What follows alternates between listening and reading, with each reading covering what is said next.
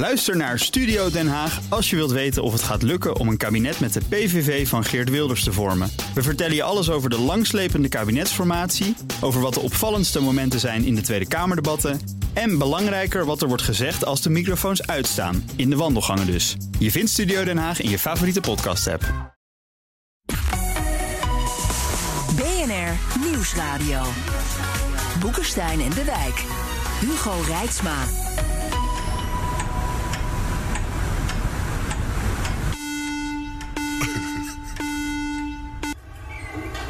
Mr. President, please come in. There's a chair for you here at the table. Please focus on the task at hand. We have incoming nuclear weapons. We recommend you consider one of the three major attack options you see before you. Mr. President, I need your guidance. Zo klinkt het als het fout gaat in een virtual reality simulatie ontwikkeld door Princeton. Die laat zien hoe een Amerikaanse president moet beslissen over de inzet van kernwapens als de computer zegt dat Rusland heeft gelanceerd. Je hebt beperkte informatie, geen hulp, een paar minuten en je moet kiezen. Hoe te voorkomen dat we hier ooit belanden. Dat bespreken we vandaag bij Boekenstein en de Wijk. Op zoek naar de nieuwe wereldorde. Met in de schuilkelder. Rob de Wijk, en ik in de mijn. Het is een beetje een aparte setup uh, vandaag. Maar gelukkig kunnen we dan nog altijd rekenen op Arend-Jan Boekenstein. Die is in de studio. Ik zit helemaal hier samen met Jasper van Dijk. Met Jasper van Dijk van de SP. Ja, en dat is niet. Uh, het is echt een dinosaurus, is dat. In de Kamer. Ja, die jongen is 15 jaar lang Kamerlid. Dat is, dus, dat is meer dan vier keer, dat is vijf keer zo lang als ik het ooit uh, heb gedaan. Waar vind je dat nog? Waar vind je dat nog? Um, Laten we, laten we even een beetje positief beginnen. Want uh, je weet bij dit programma altijd wel waar het eindigt. Maar deze week hadden we uh, de, de, permanente leden van de VN-veiligheidsraad... de VS, VK, Rusland en China... die uh, lieten een verklaring uitgaan dat een nucleaire oorlog nooit gewonnen kan worden... en dus ook nooit mag worden gevoerd. Dat dat moment dus uit die simulatie nooit mag komen. Jasper, dat klinkt misschien nogal wiedes... maar is het in de huidige tijd misschien toch een opsteker? Ja, zeker. Uh, het zijn uh, niet de, de, vijf minste landen. Hè? Dus de vijf uh, leden van de Veiligheidsraad... Amerika, Engeland, Frankrijk, China en Rusland... hebben met z'n vijven beloofd... dat een kernoorlog een slecht idee is... dat we daar niet aan moeten beginnen. Nou, dat is exact het SP-standpunt. Dus ik, ik, was daar heel verheugd over. de vraag is natuurlijk wel... welke stappen gaan we nu nemen om zover te komen? Dus het roept ook wel weer vragen op. Rob, jij bent uh, gepromoveerd hè, op uh, nucleaire logica. Dus um, heel lang geleden. Roept het bij jou op? Ja, een soort déjà vu. Uh, ja, ik dacht dat we eindelijk een keer verlost zouden zijn van al die discussies. En ik moet eerlijk zeggen, toen ik 30 jaar geleden, je houdt het niet voor mogelijk, promoveerde op dit onderwerp.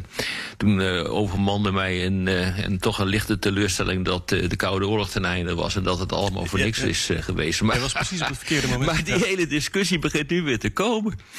dus al die ideeën over nucleaire strategieën, doctrines, waar hebben we die wapens voor. Ja, dat begint nu weer te komen. En dat is een veegteken. Dat is gewoon niet goed dat dat uh, gebeurt. En ik heb me al een tijdje zitten verbazen over het gemak waarmee sommige leiders uh, met een andere kernwapenmogelijkheid eigenlijk op de vuist gaan. He, nog niet zo lang geleden, vorig jaar, China uh, met India. Ja. Oorlogje. Dat zijn twee nucleaire mogelijkheden. Ja. India, Pakistan. Continu gesodemieten, wat we eind vorig jaar hebben gezien.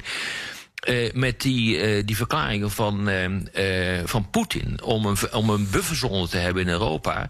En dus ook direct de strijd openen in de richting van Amerika. Dat is ongehoord. Dat doe je niet als nucleaire mogelijkheden. Misschien ben ik wel ouderwets hoor. maar dit is wel de, de leer die getrokken is tijdens de Koude Oorlog. Uh, en vooral na de Cuba-crisis van 1961. Ik geef toe, het is, allemaal ver, uh, het is allemaal ver in het verleden. Maar toen is wel bedacht van... als je met elkaar op de vuist gaat en het kan nucleair worden... dan heb je wel een probleem. Dus ik bedoel, dit wapengekletter... En ook tussen uh, China en Amerika is echt gewoon heel verontrustend. Dus in die zin ben ik heel blij met die, met die verklaring. Maar tegelijkertijd dat het nodig is is ook wel echt een veeg teken. Ik weet niet, jongens, hoe jullie daarover denken. Maar ik, Nou ja, ik denk dat het een heel goed punt is. Ze zijn dus enkele maanden hiermee bezig geweest om het te formuleren. En waarschijnlijk, dat is mijn hypothese dan, eh, zijn de Amerikanen en de Chinezen. Er zijn misschien hele erge dingen gebeurd waarvan we niks weten. En dat ze denken van jongens, dit kan uit de hand lopen. Dit kan. Kijk, we weten al dat Rusland een nucleaire eh, kleine instrument eh, al in het begin van een conflict wil inzetten, wat ook doodeng is. India en Pakistan is altijd doodeng geweest, hoewel het tot nu toe altijd goed is gegaan. Hè? Maar dat kan natuurlijk zomaar fout gaan. Maar ja, China is behoorlijk bezig met, met, met heel veel kernwapens. En China is steeds agressiever. En het is waanzinnig interessant dat China nu meetekent. Dus kennelijk zijn ze met z'n vijven jongens. We hebben hier toch echt een probleem en dit kan uit de hand lopen. Misschien is er wel een ongeluk bijna gebeurd. Wie zal het zeggen? Maar dat, dat, ik zie die- eh, terechte ehm, constateringen van jullie allebei eigenlijk alleen maar als een aanmoediging om te zeggen: Nou, eh, put your money where your mouth is. Hè, geen woorden maar daden. We hebben een verdrag, eh, het, het, het NPV-verdrag, non-proliferatieverdrag. Dat zegt al: hè, alle landen moeten eigenlijk werken aan kernontwapening. Nou, dat heeft weinig eh, stappen ge- eh, opgeleverd. Twee jaar geleden is er een nieuw verdrag overheen gekomen. Het verdrag voor het verbod op kernwapens van de VN.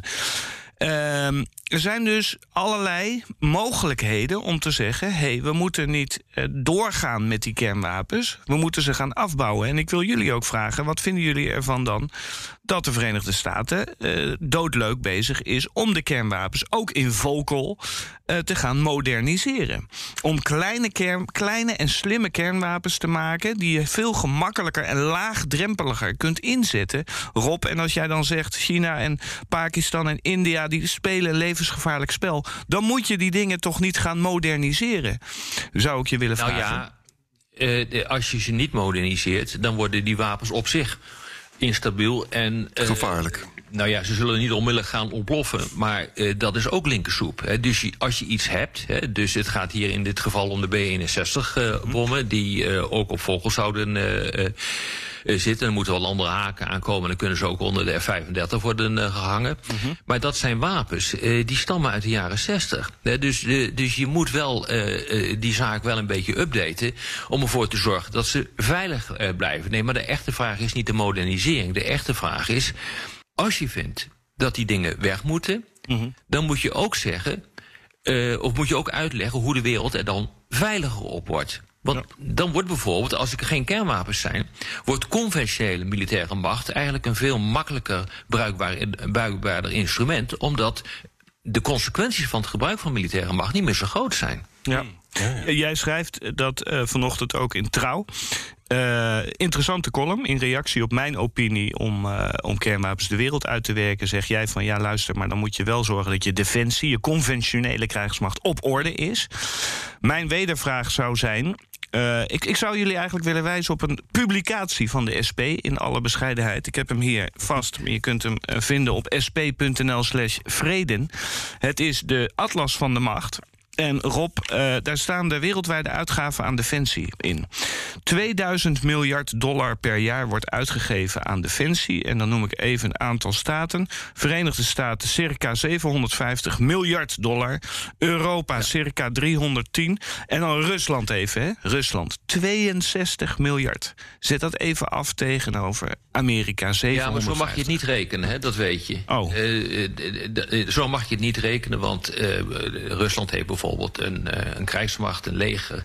eh, dat gevuld is met dienstplichtigen, die hoef je niet te betalen. En dat doen wij in het Westen wel. En dat, het, grootste deel van de kosten zit hem gewoon in loonkosten. Eh, dus je kunt die bedragen niet helemaal... Nou ja, maar Je moet desalniettemin gewoon naar de capaciteit, je moet gewoon naar de capaciteit Ben jij het toch ook dan- eens? Er gaan gigantische bedragen naar Ja, wapens, nee, naar ja, defensie. ja. Dat wordt niet minder, dat wordt eerder meer. Nederland gaat er ook weer 3 miljard structureel bij doen. Vind, is heel fijn voor het personeel van de krijgsmacht. Geen misverstand daarover, want die worden inderdaad zwaar onderbetaald.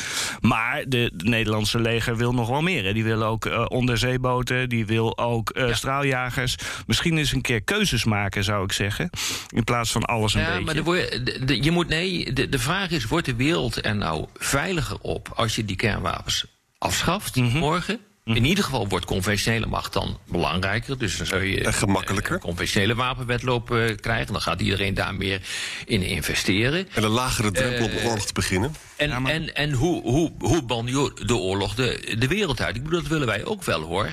Eh, ik zou daar een groot voorstander van zijn. Alleen, eh, ik bedoel, ik loop ook wel even mee. Ik heb nog nooit een idee gehoord. Behalve allerlei ideologische gedachten, eh, dat je dat voor elkaar zou krijgen. Ik heb nog nooit een, een, een bewijs gehoord hoe je dat zou kunnen doen en hoe je die hele wereld met elkaar mee, eh, eh, met je mee zou kunnen krijgen. Ja, Jasper, ik bedoel, jij bent er een groot voorstander van. Ik ook. Maar ik kijk wel naar de realiteit. Maar hoe denk je dit dan te doen? Nou ja, en ik- hoe denk je dan de, de wereld veiliger te maken? Dat is gewoon de hamvraag. Ik zeg niet dat, je, dat wij morgen oorlog gaat uitbannen. Dat gaat zelfs de SP niet lukken. Maar ik wil wel kijken naar. Laten we nou eens kijken naar de afgelopen twintig jaar. Wat hebben we dan gezien? Dan hebben we de War on Terror gezien. onder leiding van de Verenigde Staten. Een afschuwelijke. Eh, eh, oorlogsindustrie heeft dat opgeleverd. Met, met oorlogen in Irak en Afghanistan. Nou, afgelopen Allemaal, jaar. ja, Jullie hebben het gezien. afgelopen. Dramatisch. En miljarden dollars hè, die naar wapens zijn gegaan. Dus eh, ik hoop echt dat dat tot nieuwe inzichten leidt. En ik zie Joe Biden daar eerder toe aan, uiteraard, dan Donald Trump. Dus ik wacht nog steeds op een, op een, op een verlichte toespraak van hem. waarin hij zegt. Hij heeft eigenlijk al gezegd, Rob. we moeten dat niet meer doen. Die oorlogen zoals we dat gedaan hebben. Dus daar zie ik aanknopingspunten. En dan heb je natuurlijk de spanningen tussen Amerika, Europa en, en Rusland en China. En ook daar denk ik dat wij veel meer politieke en diplomatieke stappen moeten doen. dan in plaats van wapengekletter eh, richting de Russen en, en, en de Chinezen. Mee eens. Mee eens. Kijk maar daarmee haal je de kernwapens nog niet de wereld uit. En dat is het hele punt. Ik ben het daar volstrekt mee eens. Ik, eh, ik ben de laatste die zal zeggen... je moet niet praten met, eh, met de Russen. Ik roep het voortdurend. Ik heb ook gezegd van...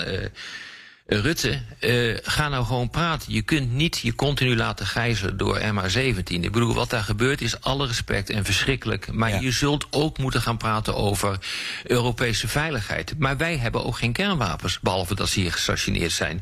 En dus, dus de grote vraag is, en nogmaals, leg me nou uit dat de wereld daadwerkelijk veiliger wordt als je die kernwapens gaat uitbanden. Ik bedoel, dat is de hamvraag.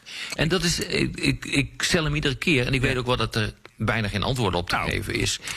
Eh, maar dat, dat is wel lastig. Mag ik nog één poging doen? Mensen die aan de knoppen zitten. Maar, eh, Mag ik nog één poging doen? Want ik ben ervan overtuigd dat eh, uiteindelijk dat de wereld vooruit gaat.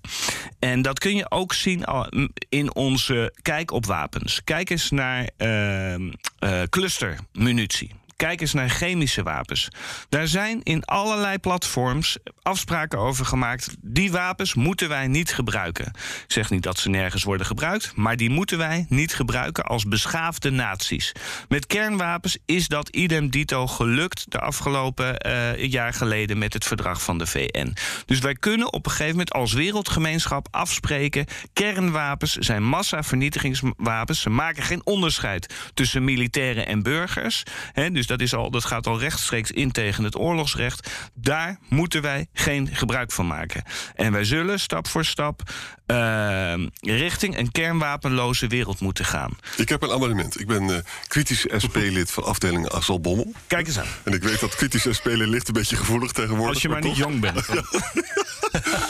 En ik heb Mar Marx heb ik in de hoek gegooid. Ja. Maar eh, weet je, je hebt, je hebt natuurlijk een punt. Ik bedoel, al, die, al die kernbewapingen neutraliseert elkaar voor een gedeelte ook. Dus je, gaat, je ge- geeft ontzettend veel geld gooi je weg... dat je ook aan onderwijs of gezondheidszorg zou kunnen doen. Dat is een heel het. sterk argument. Maar goed, het is ook zo dat kernwapens... eh, die kun je niet... eh, ontuitvinden. Waarom doen we nou gewoon niet die herhaling van die discussie van de jaren tachtig? We gaan dus proberen tweezijdige ontwapeningsvoorstellen doen, heel gebalanceerd. En dan proberen we de Russen en de Chinezen te interesseren. De ellende is alleen, en dat is eigenlijk de vraag van Rob... als de Chinezen en de Russen totaal geen thuis geven... terwijl we hele redelijke voorstellen doen... dan mag het denken niet stil zijn. Dus eigenlijk twee En dingen. dat is natuurlijk precies wat er gaat punten, wat er gaat gebeuren, Arendt Jan. Ja. Eh, realiseer dat kernwapens voor een supermacht ook een statussymbool zijn. Exact. Daar, daar, gaan, daar gaan ze gewoon geen afstand eh, van doen. En zo'n statussymbool heeft alleen maar functie, een functie als je ook bereid bent om ze in te zetten. Dat wordt vaak eh, vergeten. Dus het is allemaal prachtig hoor, die verklaring. eh, die is gegeven.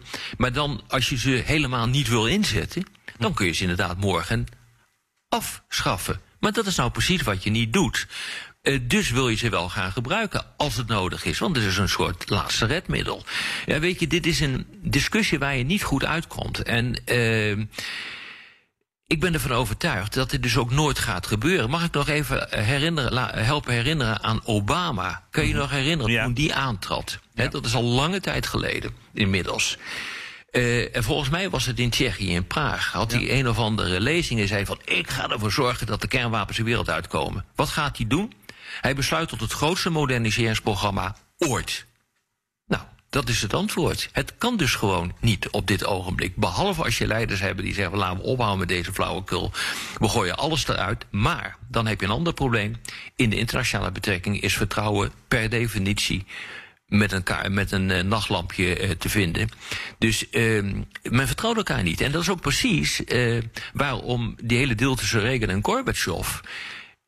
Ook al heel lang geleden, 40 jaar geleden, niet door is gegaan. Dat je, ja, maar als Rusland ook maar één kernwapen achter de hand houdt, of Amerika, dan zijn we de sjaak. Nou, dat is, dat is precies waar het om draait. Dus dat vertrouwen is niet. Dus wil je dit doen, en dat heb ik ook trouwens in mijn column in, uh, in Trouw gezet... wil je dit doen, dan zul je eerst moeten werken aan vertrouwen. En dan is de vraag, hoe ga je dat doen? Ja. Maar uh, ja, uiteindelijk is het een kwestie van... Uh, uh, zien, we, zien we perspectief of, of gaan we somberen? want de, de, de, de geschiedenis herhaalt zich nooit op dezelfde manier. En we zien juist dat er nu een unieke, unieke situatie is natuurlijk... in de wereldpolitiek. Hè, met, die, met die mislukte war on terror...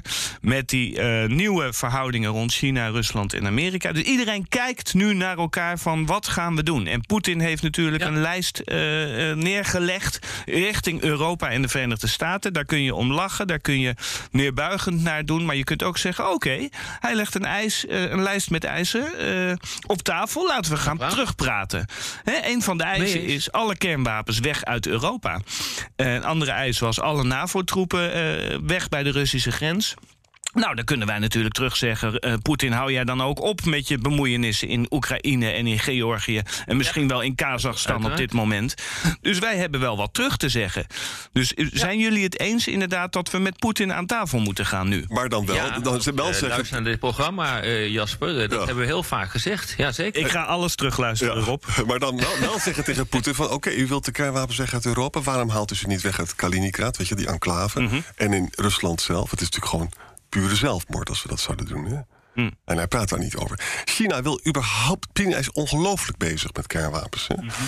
En die wil er absoluut niet over praten. En het denken mag niet stil zijn als er onwillige leden aan de tafel zitten. Want als je dus een, een machtsonevenwicht hebt, dat leidt tot oorlog. Hè? Ja, maar ja, jullie maken van China en, Ru en, Rusland een soort. Um, Boze beren. Uh, ja, en, en, en ook heel um, statisch. Uh, terwijl Poetin heeft een bod op tafel gelegd. Uh, het staat ons vrij om nu terug te onderhandelen. Nu zeg ik nog ons ook nee. als SP'er. Maar goed, laat ik zeggen als Europeaan. Het staat ons vrij als Europeaan om te zeggen... oké, okay, Poetin, interessant. Nu hebben wij ook een lijst van uh, verlangens. En die gaan we tegen elkaar zetten. Wie zegt dan dat Poetin totaal bewegingloos blijft? Er, is wel er, er zal ongetwijfeld beweging in komen, maar niet in de richting van, een, van kernontwapening. Realiseer je ook dat Poetin de enige is de afgelopen jaren, afgelopen tien jaar, die concreet gedraaid heeft met de inzet van kernwapens. Ik bedoel, dat heeft in 2014 met de annexatie van de Krim, ja. heeft dat tot grote protesten geleid, ook in het State Department, het Pentagon in de Verenigde Staten, van dat ja. doe je niet. Ja. En dat is toch gedaan. Maar nou even een ander punt. En ook een vraag aan Jasper. En wat mij ook zeer verbaasd heeft. Jij was bij die grote demonstraties ja. in de jaren tachtig. Volgens mij is dat de, de anti-kernwapendemonstratie, dus de, de, de, het verbod op uh, het plaatsen van Pershing en kruisraketten door de Amerikanen en SS-20's door de Sovjet-Unie, is volgens mij nog steeds de grootste demonstratie in de Nederlandse geschiedenis. Ja, denk ik ook. Onder Trump, onder Trump is dat verbod op middellange afstandswapens, dat INF-akkoord, gewoon in de prullenbak gesodemieterd. Ja. Wie heeft er tegen geprotesteerd? Ik heb niemand gehoord. Het heeft mij zeer verbaasd. Terwijl als er iets is dat bedreigend is voor Europa, dan is het wel de stationering van dat soort wapens opnieuw in Europa, dus ook in Rusland. En niemand die ik erover heb uh, gehoord. Nou, als dat zo is, dan kun je toch ook niet, Jasper, met een groot optimisme zeggen dat de wereld aan het veranderen is. En dat we nu echt in een situatie zijn gekomen waarin wij kunnen komen tot tot kernontwapening. Want hier is juist een stap genomen in de andere richting. Hoe verklaar je nou wat er hier aan de hand is? Nou, als je het hebt over die grote demonstraties in de jaren tachtig... dan kan ik alleen maar zeggen, daar kijk ik met weemoed naar terug. Dat is natuurlijk voor elke activist, zoals ik... voor elke SP'er was dat een prachtige tijd... waarin we niet met tienduizenden, maar met honderdduizenden... naar Den Haag trokken. En dat is al tijden geleden. Dus dat blijft een grote uitdaging... hoe dat, uh, hoe, hoe dat activisme weer op te wekken. Wie weet dat Rutte 4 dat nu los gaat maken. um, aan de andere kant, ja, je ziet dat de discussie over kernwapens speelt wel weer op. En we stelden met mm. z'n allen vast dat die verklaring van die Veiligheidsraadlanden... Uh, die was opmerkelijk. En uh, ja, er zijn wel meer wegen die naar Rome zijn. Hè? We, we, zitten nu wel degelijk met die modernisering van die kernwapens. Dat gaat de komende jaren spelen. Uh, er zijn toetsingsconferenties. Er is in maart een conferentie over dat andere verdrag... dat VN-verdrag voor een verbod op kernwapens. Ik vind het zou het echt heel jammer vinden als Nederland daar niet als waarnemer aanwezig wil zijn. Noorwegen en Duitsland. Hè. Vergeet Duitsland niet. Uh, met, met, met een nieuw fris elan. Die, die, de, de, dat kabinet met die uh, mevrouw Baarbok. Be Beerbok. Beerbok, sorry. Uh, ik denk dat we met haar goede, goede afspraken kunnen maken over kernwapens. Denken jullie niet? In ieder geval meer, beter dan de nee, vorige. Omdat wij zelf geen kernwapens hebben. We hebben zelf geen kernwapens. We zijn NAVO-land. Dus ik bedoel, je kunt er wel een afspraak over maken... maar als je ze zelf niet hebt, dan houdt het op. Wij zijn NAVO-lidstaat, Rob. Wij, wij, wij ja, hebben ze op ons grondgebied gestationeerd. En het is ook Klopt, heel merkwaardig dat Nederland daar zo geheimzinnig over doet. Uh, vroeger was daar gewoon open, werd dat toegegeven... door ministers van Defensie. Ach, het is ons grondgebied. Daar liggen Iedereen weet dat ze daarover uh, liggen. Ja. We weten waar uh, die dingen zo nodig voor gebruikt uh, moeten worden. niemand is er gelukkig mee. Maar de consequenties wederom van het eenzijdig afschaffen van dat soort van die kerntaken, kernwapentaken door Nederland, heeft natuurlijk gigantische politieke consequenties. Kijk, ik, ik vond het wel interessant wat er in het regeerakkoord stond. Ja. Daarin stond van we streven naar een ja. kernwapenvrije wereld, maar wel binnen de bondgenootschappelijke verplichtingen. Dus kortom, het gebeurt niet. Ja. Uh, dat is feitelijk wat daar staat. Omdat het uh, past binnen de bondgenootschappelijke verplichtingen. En de consequenties zijn giga. Ja. Als je eenzijdig besluit om ze eruit uh, te gooien. daar zit dus echt een heel groot probleem in. En, en Duitsland weet dat ook wel. dus het is allemaal fijn en het is leuk om dat soort dingen te roepen. Het geeft een goed gevoel. Maar uiteindelijk gebeurt er niks. Ik geef dat, toe, dat is dat, denk ik dat, het grote Dat zinnetje is een beetje een dooddoener. Hè? Het eerste deel van de zin ja. is mooi. Dat is denk ik door Sjoerd Sjoerdsma uh, ingebracht. Uh, kernwapens de wereld uit. En het tweede deel van de zin is door Rutte toegevoegd. Maar wel binnen de bondgenootschappelijke verplichtingen. waarmee er feitelijk niks gebeurt. Ja. Maar goed, uh, Nederland is niet het enige land. Je hebt ook Duitsland, je hebt Italië, je hebt Turkije. ik vind ja. wel dat Nederland met die NAVO-lidstaten in de hand richting Amerika kan gaan en kan zeggen: luister, die modernisering van kernwapens, dat vinden wij een slecht idee. Uh, wij willen uh, alternatieven op tafel leggen. Maar waarom praat je niet over tweezijdige ontwapening? Ja, dat, dat is inderdaad ook de dooddoener die ik vaak terugkrijg in de Kamer. Zelfs D66 zei me dat laatste keer. Die zei, ja, wij waren, wij waren nog wel voor eenzijdige ontwapening... maar met de huidige spanningen, meneer Van Dijk... gaan we alleen nog voor tweezijdige ontwapening. Toen dacht ik, ja, dan maar gebeurt dan er niks. Terug, Jasper, dan kom, en Arend Jan, dan kom je terug op mijn opmerking in het begin. Dan moet je aangeven hoe de wereld er veiliger door wordt als je die kernwapentaken in Europa gaat afschaffen. Ja. Ik heb ook al eerder gezegd van wij hebben onze krijgsmachten zodanig verwaarloosd dat als je ook nog een keer die kernwapens eruit uh, gooit, ja, weet je, uh, uh, als je dan totaal geen remmen wil uh, zetten op militair avonturisme van buitenaf, ja, dan weet ik het ook niet meer. Dus ik bedoel, dit is ook de consequentie van een jarenlange uh, bezuiniging op, op defensie, waardoor dat gewoon totaal niet meer geloofwaardig is. En dan zeg je, ja, er gebeurt niks. Nou ja, ik bedoel, de Krim is wel geannexeerd hoor. Ik zeg niet dat er niks gebeurt, maar het is ook hypothetisch nee, wat, wat jullie ja. zeggen. Hè? Want jullie, wij weten niet wat er gebeurt als kernwapens de wereld uitgaan. Nou, Nou, dat kun je... Er was veel oorlog toen er geen kernwapens waren. Ja, oké, op die manier. Je kunt dat redelijk goed beredeneren. In eh, 2022 is de Rob, tijd veranderd. Jasper, Arend-Jan, ik, ik zit eh, vanuit mijn thuisquarantaine met een kopje thee geïnteresseerd naar jullie discussie te luisteren. Maar voordat jullie het eens worden, moeten we toch echt eh, afronden met deze uitzending. Op de podcast gaan we wel eh, langer door met luisteraarsvragen. Hoort u ons op de radio? Dan verwijs ik naar boekensteinendewijk.nl of uw favoriete podcast-app. En dan kijk ik eens even naar alle nucleaire vragenstellers die via Twitter binnenkwamen. Eh, Casper de Langenberg eh, zegt... Arend Jan Boekenstein betoogt vaak dat het beschikken over kernwapens... door alle geopolitieke grootmachten stabiliserend zou werken... omdat niemand ze dan daadwerkelijk zou gebruiken. Ja, precies. Welke garantie is er echter dat er geen wappie-wereldleider de knop indrukt? Die garantie is er niet. En dat is een van de problemen. Als er een irrationeel iemand op de knop drukt, heb je een groot probleem. Daarnaast heb je nog het probleem met ongelukken en zo. Dus dat is, dat is, dat is een ellende. Maar wat ook waar is, dat over het algemeen na 1945 het kernwapen matigend heeft gewerkt op het aantal eh, oorlogen dat we hebben gehad. Ja. Maar de vraag is goed. De, de vraag is terecht natuurlijk toen we Trump hadden. Toen Ja. was die vraag ook helemaal actueel. Dus de vraagsteller heeft het, er zijn grote problemen. Trouwens, het hele veiligheidsdilemma blijft bestaan. Hè? Als mijn veiligheid groter wordt, wordt die van jou minder. Dat is het, daar worstelen wij mee als mensheid. En daarom is ook tweezijdige ontwapening met behoud van, van kernwapens, dus maar dan op een lager niveau, dat zou het mooiste zijn. Alleen zelfs dat wordt heel lastig met China, dus dan, maar je moet het wel proberen.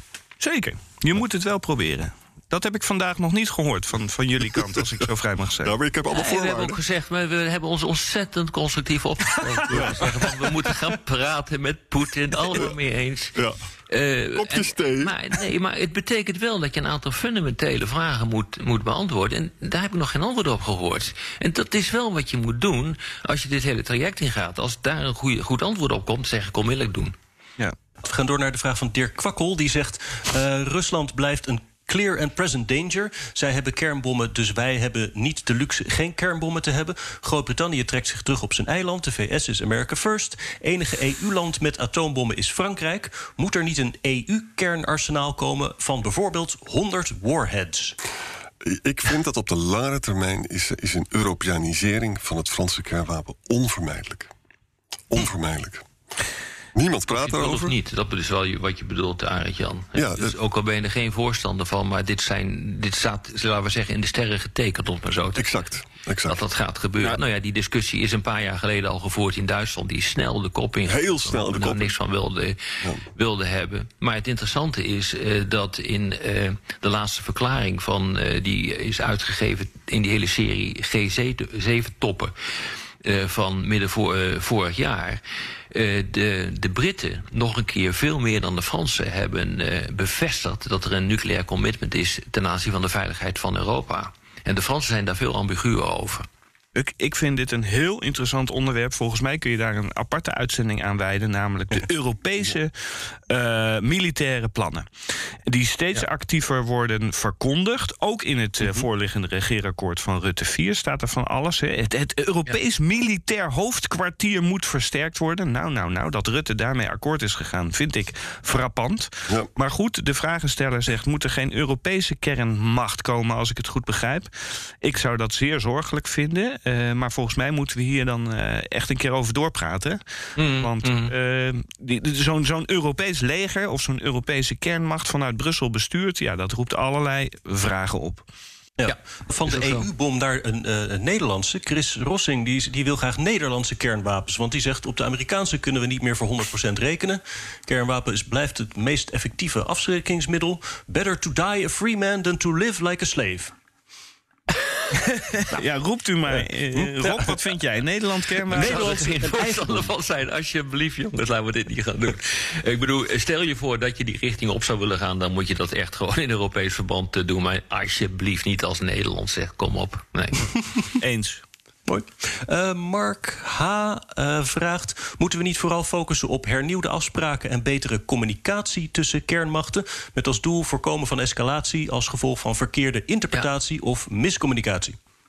Volstrekt mee eens. Dat moeten we doen. Ik bedoel, waar het om gaat is dat we het hele idee van vertrouwenwekkende maatregelen, waar gewoon het hele bouwwerk tijdens de Koude Oorlog op was gebaseerd, ook in Europa, dat we dat in Europa af gaan stoffen. Want al die afspraken zijn er nog wel. Hè, dat die zijn gemaakt in, de, in het kader van de Organisatie voor Veiligheid en Samenwerking in Europa. Die moet je afstoffen. Die moet je weer gaan gebruiken. En een dergelijke set afspraken moet je ook maken in uh, de Indo-Pacific tussen de Verenigde Staten en China. Dat is wat je moet. Als we daar nou gewoon eens een keer ja. mee beginnen.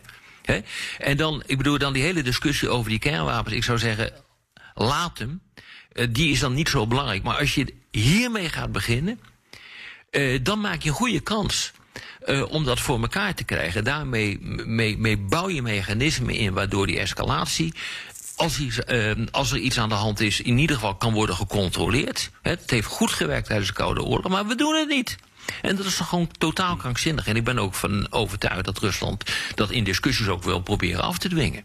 Ja, ben ik zeer mee eens. Uh, en, en je zou toch ook zeggen dat die modernisering van die, van die NAVO-kernwapens, die de komende jaren dus gepland staan om ook naar Nederland toe te brengen, dat moet toch ook een, uh, een uitstekend onderhandelingswapen zijn, om het zo maar eens te zeggen, richting de Russen. Mm.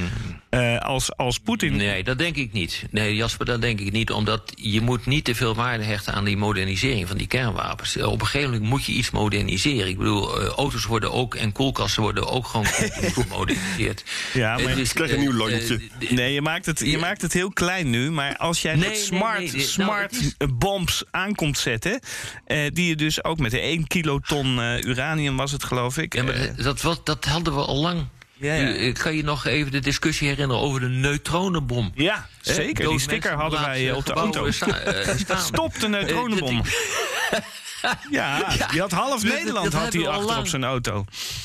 Discussies in de tijdens de Koude Oorlog van dial a nuke. Dus dat betekent gewoon dat je dus de, de, eh, de, de explosieve kracht kan instellen. Eh, Dat hadden we toen ook al.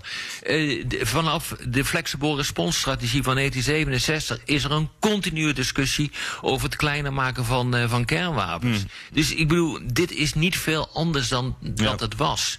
Er worden misschien wat andere software ingebracht, Ja. wat andere haken, zodat die ook onder een F-35 gaan hangen. Maar dit is, ja, dit is een continu proces. Ehm, daar, waarmee je zeg maar, niet echt zeg maar, de hele discussie op een andere lees kan, eh, kan schoeien.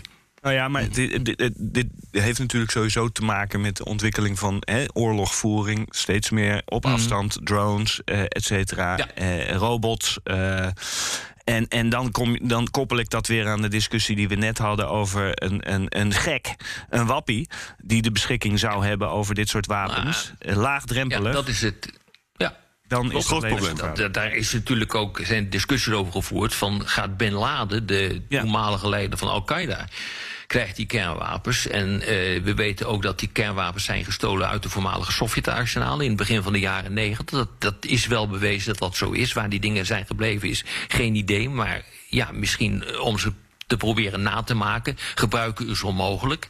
Eh, dus nee, daar zit, daar zit wel een probleem in. Dat, dat geef ik onmiddellijk toe. En zijn wij niet, dat vraag ik aan jullie als oorlogsdeskundigen, zijn we Oorlogshitsers. nee, dat zeg jij.